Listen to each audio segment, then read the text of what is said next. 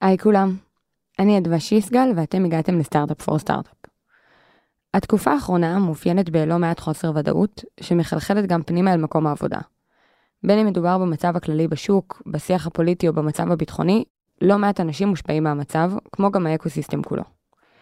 בתקופות כאלו, חשוב לדעת איך לתמוך בעובדים שלנו, ולספק להם כלים שיעזרו להם להתמודד. בין אם דרך שיחה, פרקטיקות ניהוליות או שירותים שיוצאו להם. אז השבוע, אנחנו חוזרים לפרק 142 של הפודקאסט, שבו ליאור קרנחל דיברה עם ערן זינמן ועם דוקטור טל נצר ומיה כהן ג'ייקובס, הפסיכולוגיות שמובילות את הקליניקה שאנחנו מפעילים פה ב-Monday, על פיתוח חוסן לעובדים ועל דרכים בהן ניתן להגביר את היכולת של כל אחד ואחת מאיתנו להתמודד עם מצבי לחץ ומשבר. תהנו. Startup for startup for startup.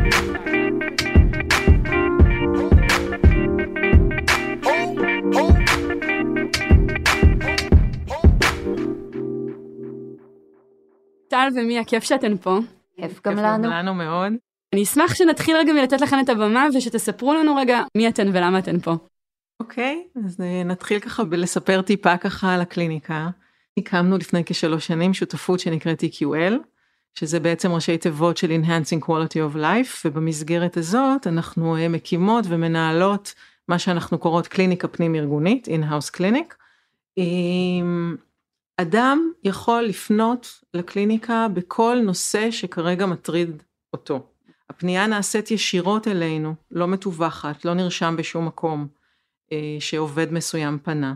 והוא רשאי לדבר על כל מה שכרגע על ליבו, כמובן שהוא בוחר מוקד מסוים, כי אנחנו מדברים על אה, רציונל של טיפול קצר מועד, שכולל 12 מפגשים, אה, ולכן אי אפשר להתפרס כאילו זה טיפול פתוח לחלוטין, אבל עדיין הוא רשאי לדבר על משהו שמציק לו בין אם זה בעבודה ובין אם זה בחיים האישיים שלו שעכשיו מאוד מאוד מכביד ופוגע לו באמת בריכוז, בתפקוד, ככה בתחושה שהוא עושה עבודה טובה. אז בעצם תיארתן פה עבודה שכבר uh, מתקיימת שנתיים ומשהו בשטח. אני כן רוצה ללכת צעד אחד אחורה ולחזור בעצם למטרה לשמה הדבר הזה התחיל ו... ערן תכף תספר מהזווית שלך, אבל כן. כאן מהמקום שלכם, מה בעצם, למה אתן כאן? למה התבקשתן לבוא? מה מטרת הקליניקה, מטרת העל שהוגדרה בתחילת הפרויקט? אז מטרת העל היא לשמר, לעזור, לשמר את החוסן ואת ה-well-being של העובדים בחברה. עכשיו זה משהו נורא גדול, מה זה חוסן בעצם? חוסן זה היכולת של אנשים, של צוותים, של אה, אה, ארגונים, להתמודד באופן גמיש עם קשיים, עם לחצים, עם מעברים, עם שינויים. אה, זה היכולת שלהם להתאושש מחוויות רגשיות שליליות והיכולת לצמוח מאתגרים במקום להישבר מהם או להישחק מהם. המחקר מראה שיש קשר מאוד ברור בין חוסן לבין תחושת well-being וצריך להגיד שיש אינסוף מחקרים היום על הנושא הזה של חוסן ו-well-being, הרבה פסיכולוגיה חיובית סביב הדבר הזה, יש גם הרבה שיח ארגוני מנסים להבין מה משמר חוסן של עובדים, מה משמר את היכולת שלהם להתמיד במקומות עבודה, לשמר מוטיבציה, לא להישחק מכל הלחצים. יש הרבה מאוד uh, uh, מידע על הדבר הזה ושיח, ואנחנו אמרנו, אנחנו ננסה לעשות סדר בתוך ים הנתונים, וגם להעביר את הדבר הזה שנקרא חוסן למשהו פרקטי. ובנינו איזשהו רעיון מסדר, איזשהו מודל חוסן אינטגרטיבי, שיש לו שלושה רכיבים. רכיב אחד זה תחושה של שייכות. כמה הבן אדם מרגיש שהוא שייך לקבוצת האנשים שסביבו, לצוות שלו, לחברה בכלל. רכיב שני וחשוב זה תחושה של משמעות. משמעות גם במובן הרחב שלה, של כמה אני מזדהה עם ערכי החברה ועם מה שהיא עושה, אבל גם במובן היותר אישי. כמה אני רלוונטי, כמה אני תורם, כמה רואים את התרומה שלי, כמה מפתחים אותי בזכות זה. והרכיב השלישי והוא חשוב לא פחות זה תחושת שליטה. ואנחנו לא מתכוונות לכמה אני שולט באחרים כמובן, אלא יותר תחושת שליטה במובן של אוטונומיה ובמובן של ניהול עצמי ובמובן של יכולת השפעה על הדברים שחשובים לי באמת ובמובן של הוויסות העצמי והיכולת שלי להתמודד עם האתגרים. במובן הזה אנחנו מדברים על שליטה והמחקר אומר ששלושת הרכיבים האלה, תחושת שייכות, תחושת משמעות, תחושת שליטה, הם רכיבים קריטיים לחוסן ול-well-being ושם אנחנו צריכים להשקיע. אני אשמח להוסיף שמה שהמחקרים מראים גם זה שיש קשר ישיר בין רמות גבוהות של well-being וחוסן לבין הרבה מאוד פרמטרים של השורה התחתונה בארגונים. אנשים אה, שמרגישים טוב עם עצמם, הרבה יותר עמידים להתמודד עם קשיים ו- ואתגרים, להכיל תקופות קשות, ואנחנו מוצאים גם שהם אנשים יצירתיים יותר, פרודוקטיביים יותר, הם, הם אנשי צוות טובים יותר, הם הרבה יותר גמישים ופתוחים לדעות של אחרים. ומעבר לזה הם, הם גם בריאים יותר, יש פחות היעדרויות, פחות עזיבות, פחות המון אה, תופעות של שחיקה שאנחנו מוצאים. אז לגמרי יש כאן תרומה גם ברמה האישית וגם ברמה הרחבה יותר. אז הבנו קצת מהי הקליניקה ומהו חוסן, ועכשיו בואו נבין רגע למה לנו בכלל קליניקה. ערן, no offense. לא טייקן. עוד לא- אמרתי, כן, אבל... אה, אתה אמנם אנחנו ככה עושים מדיטציות ביחד ואני יודעת שאתה בן אדם אה, מאוד רפלקטיבי ויש לנו שיחות אה, לב שנים אבל אין לי שום ספק שלפני שנתיים וחצי לא ניגשת למיה וטל ואמרת להן שומעת שומעות אני רוצה לעבוד על החוסן של העובדים שלי. יש שלושה פרמטרים. הבנתי את הקשר בין זה לבין כל המדדים שעכשיו ציינו אז קח אותי למציאות של מאנדיי שנתיים וחצי אחורה בזמן, אני רק אסבר את האוזן, היינו מאות בודדות של עובדים באותה תקופה, אנחנו בתקופת פרי קורונה, מה קורה במאנדיי שגורם לך ולרועי להחליט שצריכה להיפתח קליניקה במאנדיי? כן. ולמה, ולמה לנו לעבוד על חוסן? אז בעצם התקופה הזאת היא לא התאפיינה באיזשהו אירוע מיוחד, כן? אני חושב שלאורך זמן, ככל שהחברה גדלה, אחד הדברים שברורים לנו מההתחלה, שבעצם המשאב הכי יקר שלנו, וכולם אומרים את זה, זה אנשים בחברה. בעצם הפרודוקטיביות של החברה, היכולת שלה לרוץ קדימה, תלויה מאוד באנשים שעובדים פה. אמ, ואני חושב שככל שהחברה גדלה, אז אה, זה בעצם יש פה אתגר גם אישי וגם קבוצתי בעצם, איך מניעים אנשים ואיך מתמודדים עם אתגרים שהם חווים ביום יום. עכשיו, כמו שטלי ומיה אמרו, אז בעצם אה, יש פה בעצם אה, המון רבדים, יש דברים שקורים לי בעבודה, יש דברים שקורים לי בבית, יש לי דברים שעוברים עליי ביום יום, אה, אבל מה שמשותף לכולם, שכולם משפיעים עליי, על התפקוד שלי. אני יודע את זה כמו כל אחד אחר, שבעצם כשאני מרגיש לא טוב, שאני במקום לא חיובי, שאני מתמודד עם משהו אצלי בראש, או משהו אובייקטיבית שהוא מאוד מאוד מאתגר, הפרודוקטיביות מאוד מאוד יורדת. ולפעמים פשוט לדבר על זה או לקבל פרספקטיבה אחרת יכולה לעשות שינוי של 180 אה, מעלות ולאפשר לי גם להתגבר על זה, גם להתמודד וגם לרוץ קדימה. אז בעצם אה, ככל שהחברה גדלה הרגשנו שיש כל מיני אתגרים כאלה, גם שאנשים עוברים ברמה האישית וגם אה, אתגרים שקורים לנו ברמה של החברה. אפילו לי ברמה האישית וגם לי במערכת יחסים עם רועי היו כל מיני אתגרים לאורך הדרך שהיינו צריכים להתמודד איתם.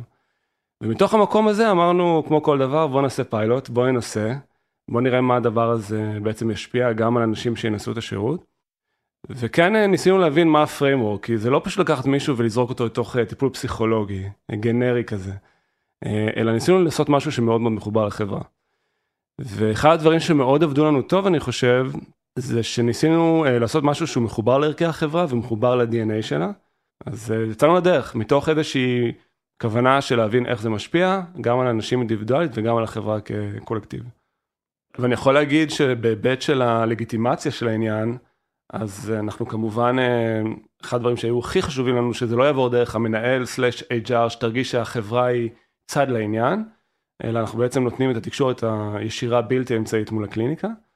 אה, וגם אחד הדברים שלי היה חשוב, זאת אומרת, אני אישית מטופל בקליניקה, אה, ואני אמרתי את זה כמה פעמים לפני החברה, זאת אומרת, גם שסיפרתי להם שאני מטופל ושזה מאוד עוזר לי, אה, וגם שאני מאוד ממליץ, זאת אומרת, אני גם הרבה מנהלים שאני פוגש, אני מרגיש שיש להם כל מיני אתגרים, אה, בין אם אישיים או בין אם מקצועיים, אני ממליץ להם ללכת לקליניקה, וגם באופן כללי מול החברה, אני חושב שזה דבר שמאוד מדובר, הוא מאוד בפרונט, אנחנו מאוד אה, מעודדים אותו, ורואים את זה בתור משהו מאוד חיובי, זאת אומרת, בעיניי, אם מישהו בא ויוצא למסע הזה, זה דבר חיובי ומדהים, למרות ששוב, אנחנו לא יודעים את זה. אז אולי כמטופל, תספר, יש לי שאלה שהכי טוב לשמוע עליה מחוויה אישית. Yeah. איך אפשר באמצע יום עבודה לעצור את הכל, להיכנס לחדר, לגעת במקומות שקשה לך איתם, ואז לצאת מיד אחרי זה ללוז המשוגע שלך ולהיכנס לפגישה אחרת כאילו כלום לא קרה. כן. בוא נגיד, כשנכנסתי לקליניקה, שאלת באיזה מקום אני מביא את עצמי שעה להיכנס לקליניקה ולעבוד על עצמי, אז אחד הדברים שאתה לומד, אני חושב שזה counterintuitive. במקומות שאתה מרגיש הכי טובע, הכי עמוס, הכי מוצף, אה, זה בדיוק המקומות שאתה צריך את זה. ואני הגעתי בסיטואציה מאוד מאוד uh, כזאת, אני לא זוכר בדיוק מה היה הטיימינג, יכול להיות שזה היה סביב איזשהו סיבוב גיוס, או זה החשודים המיידיים שלי. אבל uh, הרגשתי מאוד מוצף, מאוד מותש, לא מאוזן. ומתוך המקום הזה, שהוא מאוד uh, דווקא אין את המקום לטפל בצרכים האישיים שלך, uh, ניסיתי להבין, כי הרבה פעמים מתוך תחושה כזאת אתה מרגיש שהמציאות שלך היא אובייקטיבית, זו המציאות שאתה חווה. אה, אלה תנאי המשחק. אין רק, אפשרויות אחרות. אין אפשרויות אחרות, אני צריך להוריד את הראש ולתת לזה אה, לעבור. ואחד הדברים שעבדתי עליהם אה, מאוד באינטנסיביות זה איך לתת פרשנות אחרת לדברים, איך למצוא את המקום, איך לאזן את עצמי, ולהבין שדווקא בצורה פרואקטיבית אני יכול לשנות את המציאות ולייצר לעצמי מציאות שאני גיליתי בדיעבד שהופכת אותי ליותר טוב, וזה הקאץ' פה, כי הרבה פעמים אתה נמצא באיזושהי סיטואציה שאתה מרגיש שזה על חשבון משהו, הרבה פעמים אתה מקריב את עצמך לטובת משהו, ואני גיליתי שזה הופך אותי ליותר טוב, למנהל יותר טוב, אה, לקולגה יותר טוב. אה, כי בעצם כשאתה נמצא במקום יותר טוב, אתה יותר זמין, אנשים שרואים אותך, אם רואים אותך שאתה גמור, מותש, מוטרד, זה שולח מסר לא טוב, בטח בתור מנהל אה, בחברה. ואני חושב שזה דברים שהבנתי לאורך זמן, להכיר יותר טוב את עצמי ולהבין איך להתמודד, ו... קיבלתי המון המון כלים. אולי זו נקודה חשובה, שאחד הדברים שהיו מאוד חשובים לנו בקליניקה, זה שאנשים יצאו עם כלים פרקטיים להתמודדות ביום יום. אה, כי בסוף אה, אתה רוצה לראות איזשהו פידבק, שאתה משנה את ההתנהגות וממש משתפר. אז אולי תספרו, טל ומיה, איך באמת נותנים כלים פרקטיים בתוך סטארט-אפ אה, כזה? אז בקליניקה אנחנו מקנים כלים גם אישיים וגם ניהוליים, כלים מאוד ישימים, מאוד פרקטיים, אה, שמבוססים על שלושת רכיבי החוסן, משמעות שייכות ושליטה. למשל הנושא של העמקת היכרות אישית עם חברי הצוות, החיבור, יש תרגיל שאנחנו מאוד אוהבות של take five, זה לקחת חמש דקות פעם ביום לייצר ככה איזה שיחה קצת יותר אישית עם אחד העובדים, אה, ליצור מרחב רגשי שאפשר לשתף בו בקשיים, להודות בטעויות, אה, ההתייחסות לטעויות במרחב הזה היא מותאמת. כל זה מאוד מאוד עוזר ככה לתחושת הביטחון ולחיזוק תחושת השייכות.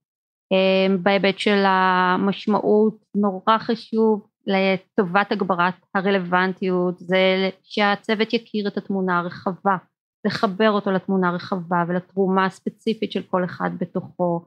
חשוב אה, לבטא את הערכה בצורה מפורטת, אה, בצורה פומבית, לחגוג כמו שדיברנו הצלחות, כמובן לבנות תוכניות התפתחות אישית, כל אלו מאוד מאוד תורמים לחיזוק תחושת המשמעות ובהיבט של השליטה כמה שאפשר להגביר את הגמישות, לאפשר באמת ניהול עצמי תוך העברת סמכויות מותאמת, תיאום ציפיות, יש דרכים לעשות את זה אבל מאוד מאוד חשוב במקומות שאפשר לאפשר את הניהול העצמי הזה, לשתף בדיונים, לשתף בקבלת החלטות, לתת יכולת להשפיע על המקומות האלה וכמובן לעזור בהקפדה על הגבולות בין זמן בית לזמן עבודה.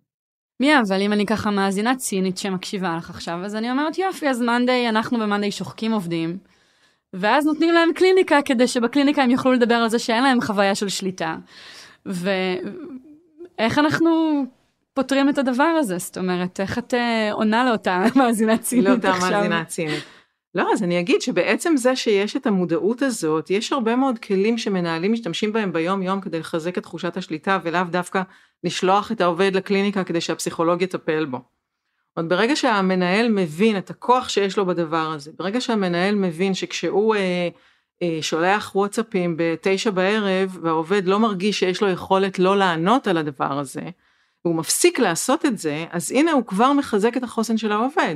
אה, זה אכן אתגר, הנושא של שליטה בכלל בהייטק ופה במאנדי זה אתגר, ומצד שני יש הרבה מאוד קשב למקום הזה וניסיון לחזק.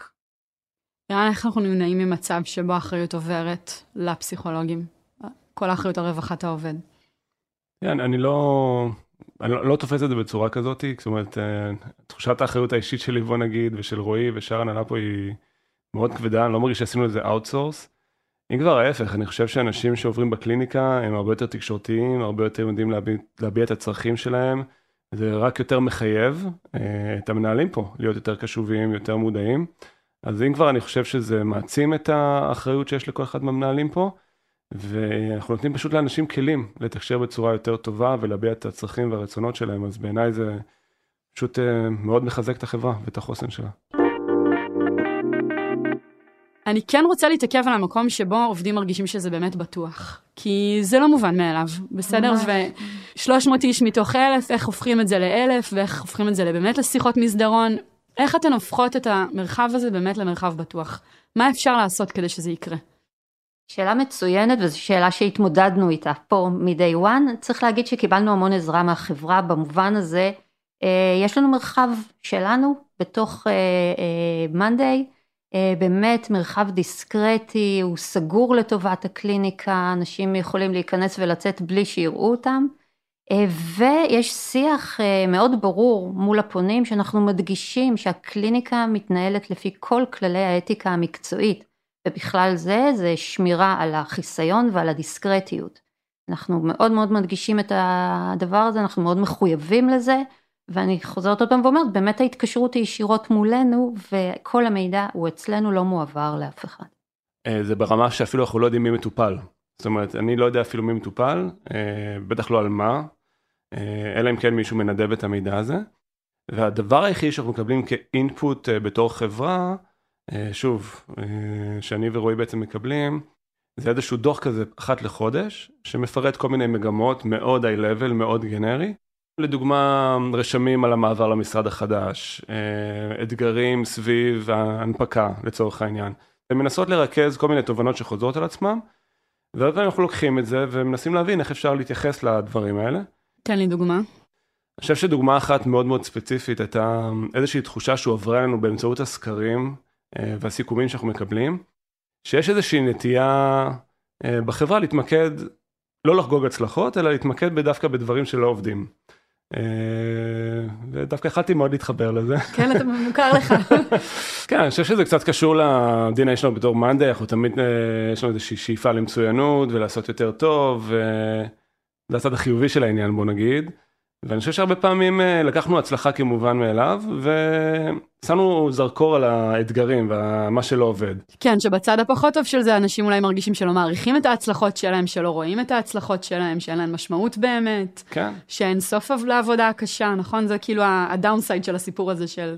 כן, כאילו ממש בהתחלה, זאת אומרת זה הובא לתשומת ליבנו גם שלי ושל רועי ושל שאר הנהלה, ועשינו ממש שינוי. זאת אומרת, אה, לקחנו איזשהו כלי, כלי פרקטי של... אה, ממש לפני שאנחנו צוללים לתוך האתגרים, שזה לא, שזה לא דבר רע, כן?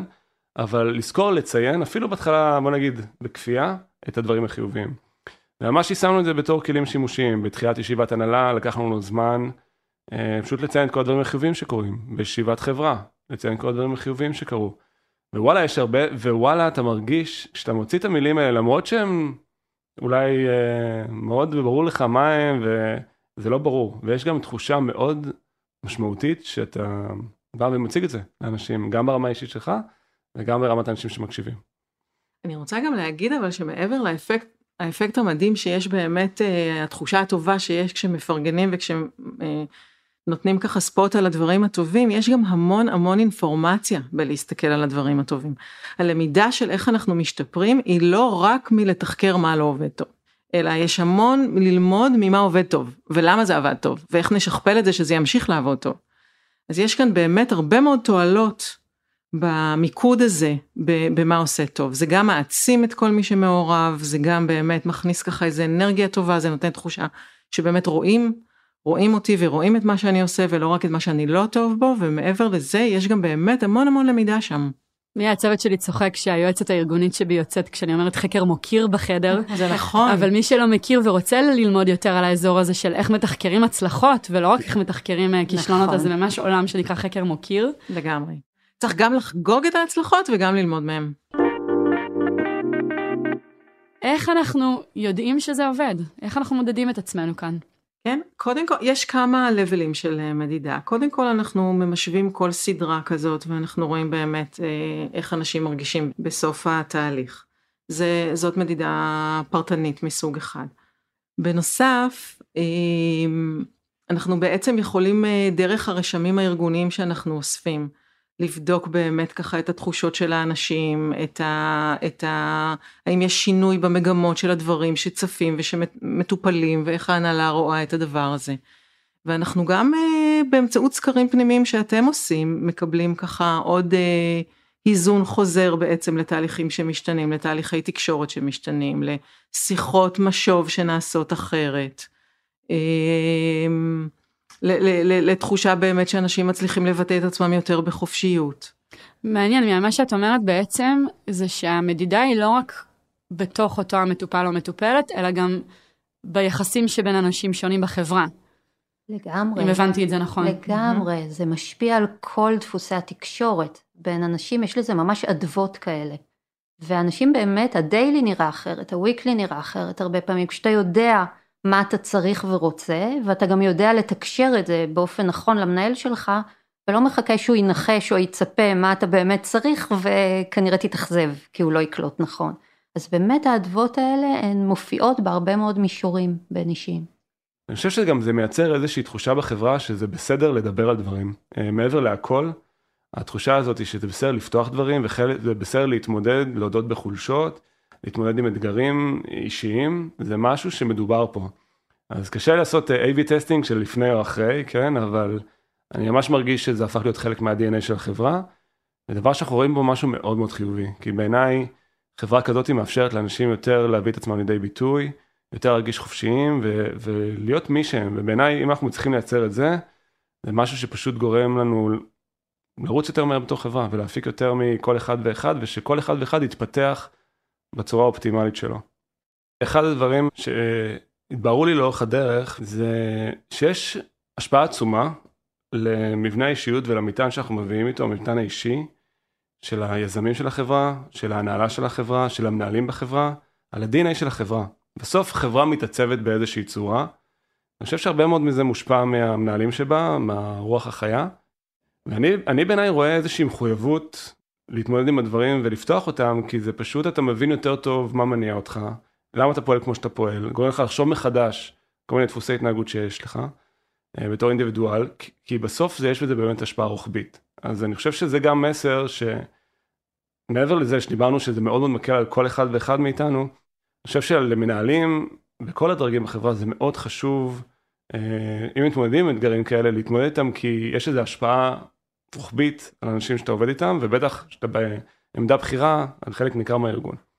ערן, אז אתה אומר שזה גורם לנו לרוץ מהר יותר בתור חברה, זה משהו שאנחנו מודדים אותו, אתה, זאת מטרה ששמנו לקליניקה, ללשפר את הפרודוקטיביות של העובדים?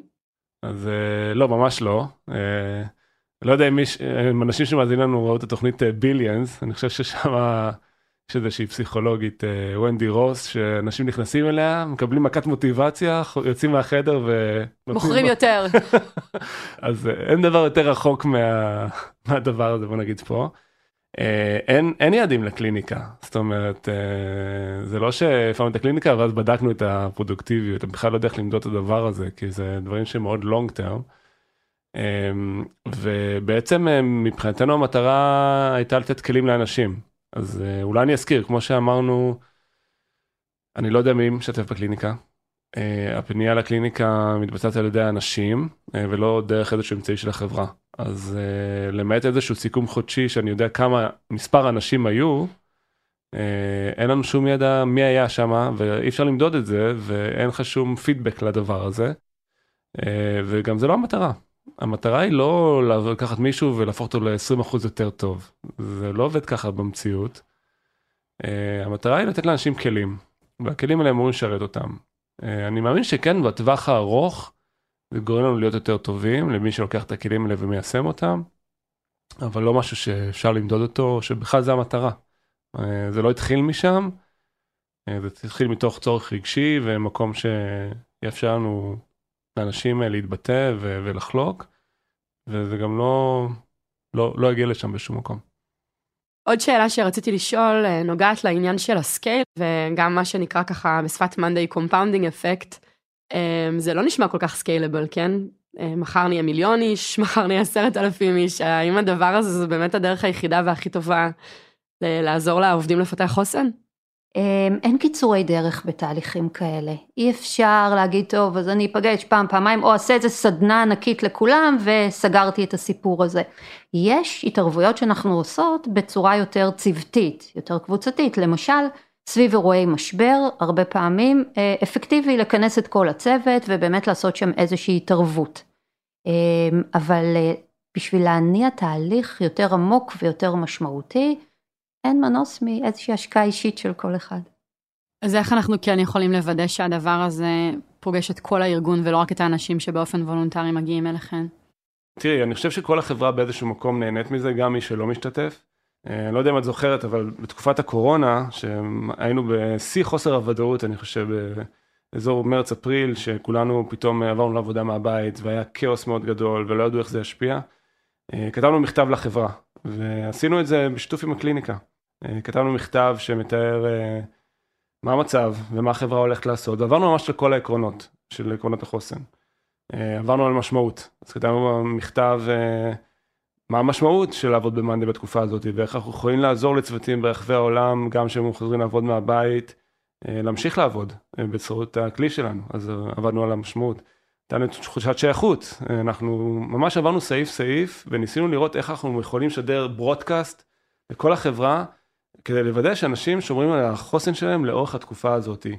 אני חושב שזה ממש הפך להיות כלי שמשרת אותנו בכל מיני צורות תקשורת אה, בחברה, כי בסוף כשאנשים נמצאים באיזשהו ביטחון פסיכולוגי, ביטחון אישי, הם יכולים להפסיק להתעסק בזה ולהתפנות לעשות דברים שמקדמים את עצמם ואת החברה. כשאתה עסוק כל היום בלדאוג לצרכים הבסיסיים שלך, אתה פשוט הופך מאוד מאוד מהר ללא אפקטיבי. אז אני חושב שיש לנו איזושהי מחויבות בתור מנהלים פה, לספק את השכבה הזאת לכל מי שנמצא בחברה. אה, ויש השפעה מאוד גדולה על הצוות בזכות איזשהו תהליך שהמנהל עובר, גם בהיבט הזה, מעבר למודעות אה, למה זה חוסן ולמה זה חשוב ולמה צריך להשקיע אה, בדבר הזה, יש באמת התנהלות פרקטית ביומיום שמשפיעה, זה לא רק מודעות, זה גם התנהלות פרקטית שממש תורמת ל-well-being ולחוסן של הצוות. ויש חשיבות מאוד גדולה שמנהל יסתכל על הצוות שלו אה, ולא סתם יגיד, אה, הצוות קצת באנרגיה נמוכה, בואו נעשה להם איזה אה, פעילות well-being, ניקח אותם לאיזה אה, אירוע ויהיה בסדר. למחרת הצוות מגיע עם אותו חוסר אנרגיה שהיה קודם והמון תסכול של המנהל. ודווקא יכולת של המנהל להסתכל רגע על הצוות ולהגיד, רגע, איזה רכיב פגוע פה? אולי דווקא לא השייכות שדורש עכשיו איזה אירוע, אולי דווקא רכיב המשמעות, והצוות מרגיש שהוא לא עסוק בפרויקטים רלוונטיים, הוא מרגיש שהפרויקטים שלו לא תורמים, אולי דווקא צריך להשקיע שם, ואז אה, ככה לעזור לצוות להיות יותר ב-well-being, ואנחנו ממש רואים את הדברים האלה קורים. נגיד גם ש, שזה מאוד מאוד עוזר הרבה מאוד פעמים באישויים לגמרי ניהוליים, באים ככה מנהלים להתייעץ על דילמות שיש להם. באים לפעמים אה, עובד מנהל איזה מין so called טיפול זוגי כזה, כי אם יש בעיות בתקשורת. ואנחנו מוצאים שבאמת אה, לאט לאט ההשפעות של מה שאנשים מקבלים בקליניקה מחלחלות גם למרחב הארגוני הרחב יותר, כי יש משהו בתקשורת שנהיה יותר כנה, יותר פתוח, יותר ככה ענייני ופחות אמוציונלי. יש אה, יותר ויותר עבודה של מנהלים על יצירה של מרחב בטוח לאנשים לבוא ובאמת לשתף במה שמפריע להם. אה, אז אנחנו ממש יכולים לראות איך מעבר לבנפיט האישי, יש משהו בתרבות הארגונית שמתחיל לחלחל. מה עושה עובד או עובדת? מה הם עושים כשהם עובדים בחברה שאין בה את השירות הזה שנקרא קליניקה? אחד הדברים שאנחנו uh, פוגשים בו לפעמים זה איזה שהם תגובות של מנהלים שאומרים um, אנחנו לא יכולים גם לעבוד וגם להשקיע ב-well-being. וזה מאוד uh, מעניין כי בסוף כשאני משקיע ב-well-being אני עובד הרבה הרבה יותר טוב והכל זה עניין של תעדוף זה מעניין לראות שחברות לפעמים באמת מתקצבות אירועים מאוד גדולים ונסיעות או טיולים אבל ההשקעה הבסיסית הכי חשובה בסוף זה המנוע שלנו זה מה שמזיז אותנו זה השקעה בנפש ב-well-being שלנו. יותר מזה צריך להגיד שהפרקטיקות של אה, הניהוליות של שימור חוסן הן לאו דווקא כרוכות באיזו הוצאה תקציבית מאוד גדולה. כשמנהל מתקשר לעובד אחרי רצף של עבודה משמעותית, מתקשר לשאול איך הוא הרגיש והאם הוא בסדר עם העבודה הזאת ונותן לו קצת להירגע ואומר קח לך עכשיו כמה שעות לעצמך, לא פרקטיקה שעולה כסף, אבל זו פרקטיקה שמייצרת תחושה של שייכות, תחושה שרואים אותי, שאכפת ממני, והיא מאוד מחזקת חוסן. אני מאוד מסכים, אני חושב ש... במיוחד בתחום כמו הייטק, ששוב עלות השכר כל כך גבוהה, הפרודוקטיביות של כל אדם כל כך משמעותית, ויש השקעה כל כך הרבה מסביב, זה אחד הדברים הכי בסיסיים בעיניי שחברה צריכה להשקיע בה. אני חושב שאנשים מבינים יותר ויותר את ה... כמה זה משמעותי המרכיב הזה, כמה הוא חשוב להתפתחות האישית של כל אחד וליכולת שלו להפיק מעצמו את המרב, ואני ממש רואה את זה הופך להיות סטנדרט בתעשייה קדימה. שוב, לעומת כל שאר הדברים שחברות מוציאות עליהם כסף סביב העובדים, זה נראה לי אחת ההשקעות הכי טריוויאליות עם ה-ROI הכי גבוה שאפשר לעשות בשביל העובדים. אז אולי באמת נסיים עם האמירה הזו, אה, ובעצם בחצי שעה האחרונה סיפרנו על הקליניקה לייעוץ פסיכולוגי שאנחנו מפעילים כאן ב-Monday, ועל הסיבות שהובילו אותנו להקים אותה. אם למישהו שמאזין כרגע יש שאלות, אתם יותר ממוזמנים לפנות אלינו גם בקהילה שלנו בפייסבוק וגם באתר. ואני אגיד תודה, תודה ערן, תודה טל, תודה מיה, אה, ותודה לכם שהאזנתם. Startup for startup for startup.